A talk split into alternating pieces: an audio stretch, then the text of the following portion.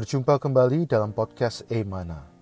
Renungan-renungan yang menguatkan iman ini diambil dari tulisan-tulisan, buku-buku, serta karya-karya seorang pelayan Tuhan yang mengasihi Tuhan sampai akhir hidupnya, Saudara Watchmeni. Semasa hidupnya, Tuhan memakai Saudara Watchmeni untuk menyingkapkan banyak terang dan wahyu Alkitab. Di antaranya adalah mengenai salib, mengenai Kristus sebagai hayat, juga mengenai kesatuan tubuh Kristus. Kami berharap melalui kehadiran podcast Renungan Emana, khususnya di masa pandemi wabah virus hari ini, kami dapat menghibur dan menguatkan iman saudara-saudari sekalian. Anda dapat menghubungi kami pada nomor hotline Emana di 0851 5677 2397. Sekali lagi Anda dapat menghubungi kami pada nomor hotline Emana di 0851 5677 2397. Buku-buku karya Watchmeni secara lengkap dapat Anda peroleh melalui website yasprint.com ataupun melalui Play Store di HP Android Anda. Selamat menikmati renungan seri hari ini. Puji Tuhan, sangat sukacita bahwa hari ini saya dan Saudara Henry bisa kembali menemani saudara-saudari pendengar podcast dari Renungan Emana. Hari ini kita masuk ke dalam satu topik mengenai terang Allah dan memahami diri sendiri. Hari ini kita masuk ke perkataan Tuhan melalui ayat Mazmur 36 ayat 10 yang uh, sepertinya singkat tetapi penuh dengan terang. Dikatakan, di dalam terangmu kami melihat terang. Mungkin sebelum membahas ayat ini, Saudara Henry bagaimana kabarnya? Baik-baik ya. Amin. Baik, puji oh, Tuhan. Puji Tuhan ya. Bagaimana dengan uh, perkara terang Allah dan memahami diri sendiri jika kita melihat dari Mazmur 36 ayat 10 ini, Saudara? Amin. Ya. Saudara-saudari, sebenarnya dari ayat ini menyingkapkan hakiki ekspresi Allah. Bahwa hakiki ekspresi Allah adalah terang. Amin kita dapat melihat dalam 1 Yohanes 1 ayat 5 mengatakan dengan jelas Allah adalah terang dan di dalam dia sama sekali tidak ada kegelapan. Betul. Jadi sebagaimana terang adalah hakiki Allah dalam ekspresinya, kegelapan adalah hakiki iblis dalam perbuatannya yang jahat. Oh, saudara-saudari kita patut bersyukur ya kepada Allah bahwa Allah telah menyelamatkan kita dari kegelapan iblis Amen. ke dalam terang ilahi. Amin. Jadi sebenarnya terang ilahi ini adalah hayat ilahi di dalam putra yang kita terima melalui kelahiran kembali. Amin. Jadi tanpa kelahiran kembali, dari kita belum memiliki hayat Allah yang adalah terang ilahi. Sehingga kita masih hidup di dalam kegelapan dosa. Yeah. Karena itu dalam Mazmur 36 ayat 10, Pertama-tama pemazmur menyebut perkara hayat. Ya. Yeah. Pemazmur mengatakan bahwa Allah adalah sumber, sumber hayat. hayat. Betul. Lalu dia menyebutkan perkara yang kedua yaitu di dalam terangmu kami melihat terang. Amin. Saudara-saudari tidak hanya pemazmur dalam perjanjian lama, bahkan dalam perjanjian baru Rasul Yohanes pun nampak hal ini. Di dalam Yohanes pasal 1 dan 4, dalam dia ada hayat, dan hayat itu adalah terang, manusia. manusia. Amin. Maka saudara-saudari di sini kita nampak bahwa terang ilahi adalah hayat ilahi dalam putra yang bergerak di dalam kita. Amin. Dan terang ini menyinari kegelapan di dalam diri kita. Ketika kita mengikuti terang ini, oh puji Tuhan, kita sekali-kali tidak akan berjalan dalam kegelapan dosa. Amin. Amin. Puji Tuhan. Ya, jadi dari penjelasan dari Saudara Hendri kita bisa menangkap bahwa setelah kita dilahirkan kembali, kita perlu selamat. Saudara, kita semua adalah anak-anak terang. Ada Amen. unsur, ada elemen terang dari Allah Sang Terang itu di dalam kita. Puji Amen. Tuhan, ya, dunia bisa makin gelap, tapi kiranya kita makin bercahaya. Amin. Kita masuk ke dalam pembacaan dari cuplikan perkataan surah Watchmeni. Dikatakan bagaimana kita bisa mengetahui pandangan Allah terhadap kita. Bagaimana kita bisa memasuki pemikiran Allah terhadap kita. Mazmur 36 ayat 10b mengatakan, Di dalam terangmu kami melihat terang. Ayat ini dua kali menyebut kata terang. Arti dua kata terang ini berbeda. Kata terang yang pertama sifatnya khusus. Ya, ada terangmu. terang Allah. Kata terang yang kedua bersifat umum. Terang Allah adalah pengetahuan Allah, pandangan Allah, apa yang Allah lihat, yang diwahyukan Allah, yaitu kita diberitahu oleh Allah apa yang Allah ketahui. Kata terang yang kedua adalah bagaimana keadaan sesungguhnya dari perkara tersebut. Jadi, arti di dalam terangmu kami melihat terang adalah, ini perlu kita perhatikan saudara ya, kita menerima wahyu Allah, mendapat sorotan dari terang Allah yang kudus, untuk bisa mengetahui bagaimana keadaan sesungguhnya dari suatu perkara. Perkara itu dalam pandangan kita akan jelas seperti terang. Dalam terang kita sendiri, selamanya kita tidak bisa melihat terang. Hanya di dalam terang Allah, barulah kita bisa melihat terang. Amin. Jadi Amen. memang dari cuplikan ini kita tahu ya, memahami diri sendiri harus di dalam terang Allah, saudara ya. Amin. Amin.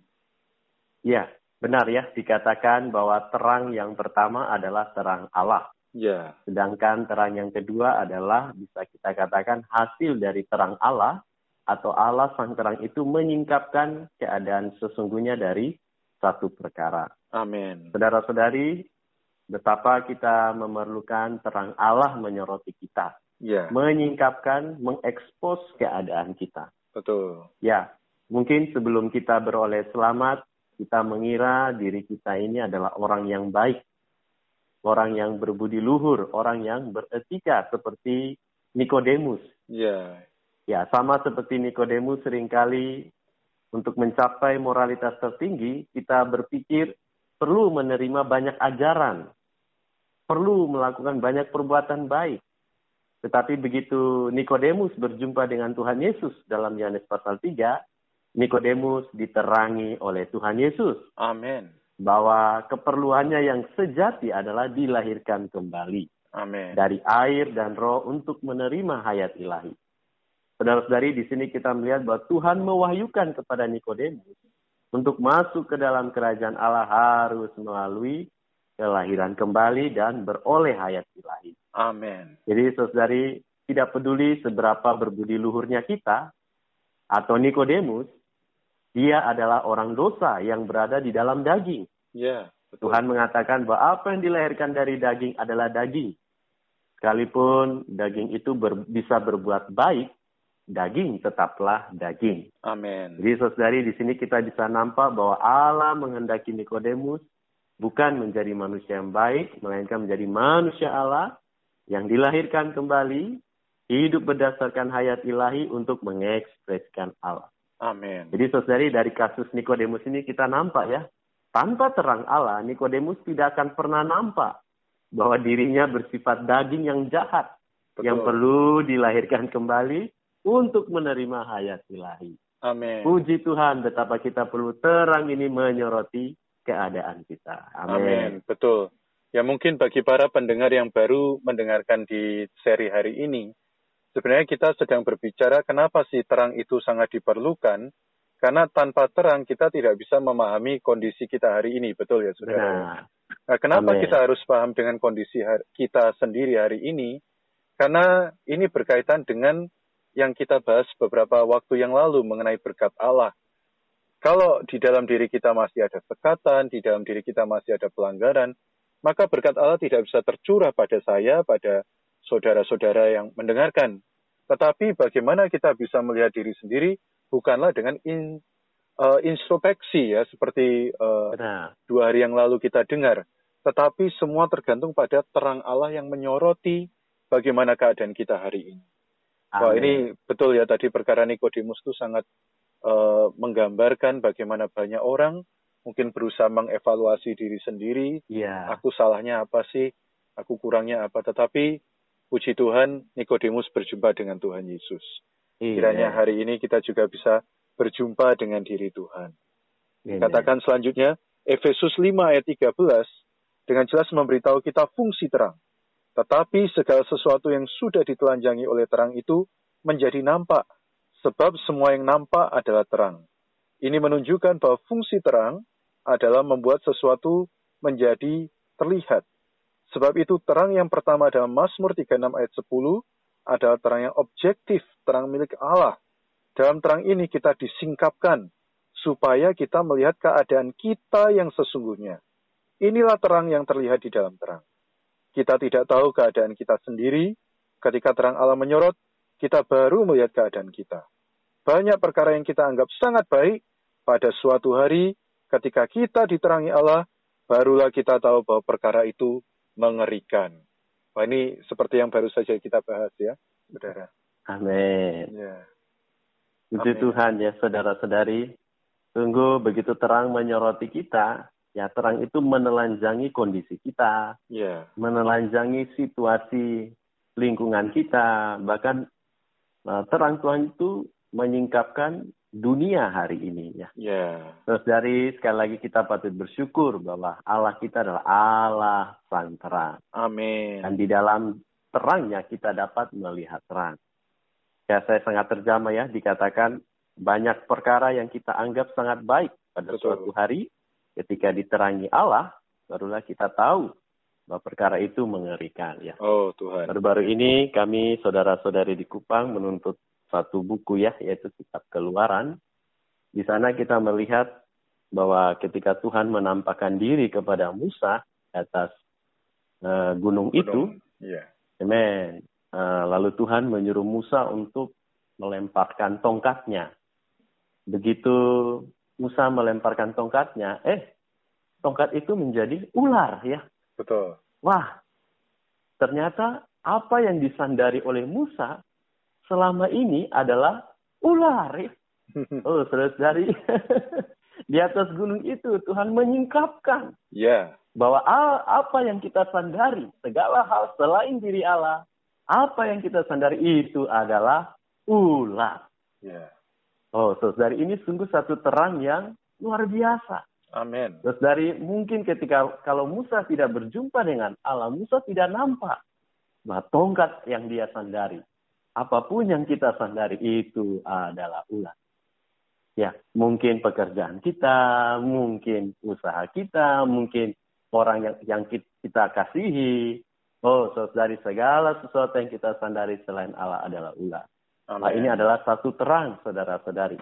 Betapa di dalam terangnya kita melihat terang. Amin. Karena itu, saudari, dalam hal ini kita sangat memerlukan firman Tuhan. Kita yeah. tidak bisa kekurangan firman Tuhan. Betul. Pemasmur dalam Mazmur 119 ayat 105 dikatakan firmanmu itu pelita bagi kakiku dan terang bagi jalanku. jalanku. Amin. Oh, saudari, tanpa firman Tuhan kita berada di dalam kegelapan. Kita tidak akan mengenal apa du situasi dunia hari ini, apa kondisi kita hari ini.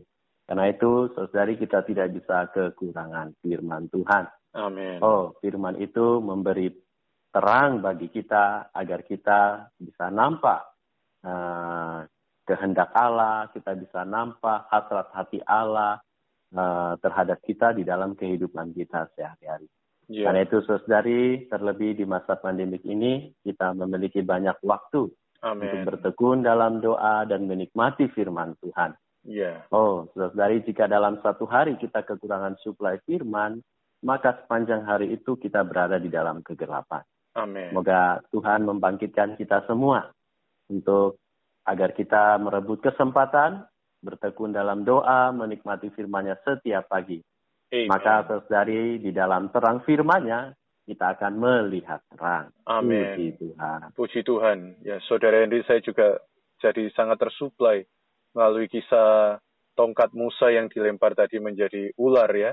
Hari ini, saudara-saudara, jika kita peka, kita memperhatikan situasi hari ini, Tuhan bisa saja memberi uh, situasi yang terjadi secara global pandemi hari ini juga adalah untuk melucuti segala yang kita sandari selain diri Allah. Dia adalah Allah Amen. yang cemburu, dia ingin Amen. supaya kita hanya bersandar pada dia. Memang Amen. tidak mudah, saudara-saudara, tetapi kami percaya, kita percaya melalui firman-Nya, ada terang yang menyingkapkan bahwa Amen. asal ada Tuhan semua pasti aman, saudari. Amin. Ya, tadi caranya saudara Henry sudah bilang ya bahwa ada di dalam firman. Mengutip Amen. di dalam Mazmur di pasal yang sama 119 ayat 147 dan 148 dikatakan pagi-pagi buta aku bangun berteriak minta tolong. Aku Amen. berharap kepada firman-Mu. Aku Amin. bangun mendahului waktu jaga malam untuk merenungkan janji-Mu. Jadi memang kami menghimbau juga termasuk saya dan saudara Henry uh, di tengah Amin. pandemi ini kita punya penghidupan yang baru setiap pagi. Karena Amin. rahmat Tuhan itu selalu baru setiap pagi. Kita juga percaya terang Tuhan itu selalu baru setiap pagi. Amin. Amin. Terima kasih. Kita bisa tutup di dalam doa. Saya mohon dalam kasih Saudara Henry bisa mendoakan kita semua. Amin. Mari saudari kita masuk dalam doa. Tuhan Yesus, terima kasih Tuhan. Hari ya. ini di dalam terangmu kami melihat terang. Amin. Tuhan dapatkan waktu kami khususnya di pagi hari untuk datang kepada firman-Mu. Amin. Menikmati setiap perkataanmu. Menikmati setiap terang ilahimu boleh menyoroti, mengekspos kondisi kami sepenuhnya. Oh Tuhan Yesus, agar kami mengenal siapa kami sebenarnya, kami juga boleh mengenal dunia situasi dunia hari ini. Amin. Terima kasih Tuhan atas terangmu hari ini. Di dalam namamu kami telah berdoa. Amin. Amin. Amin. Terima Puji kasih Tuhan. saudara. Puji Tuhan. Terima kasih saudara Moses. Amin. Tuhan memberkati. Amin. Amin. Sekian podcast Renungan Emana pada hari ini. Kami akan hadir kembali pada seri berikutnya. Kiranya kasih Allah dan kasih karunia Tuhan Yesus menyertai kita semua.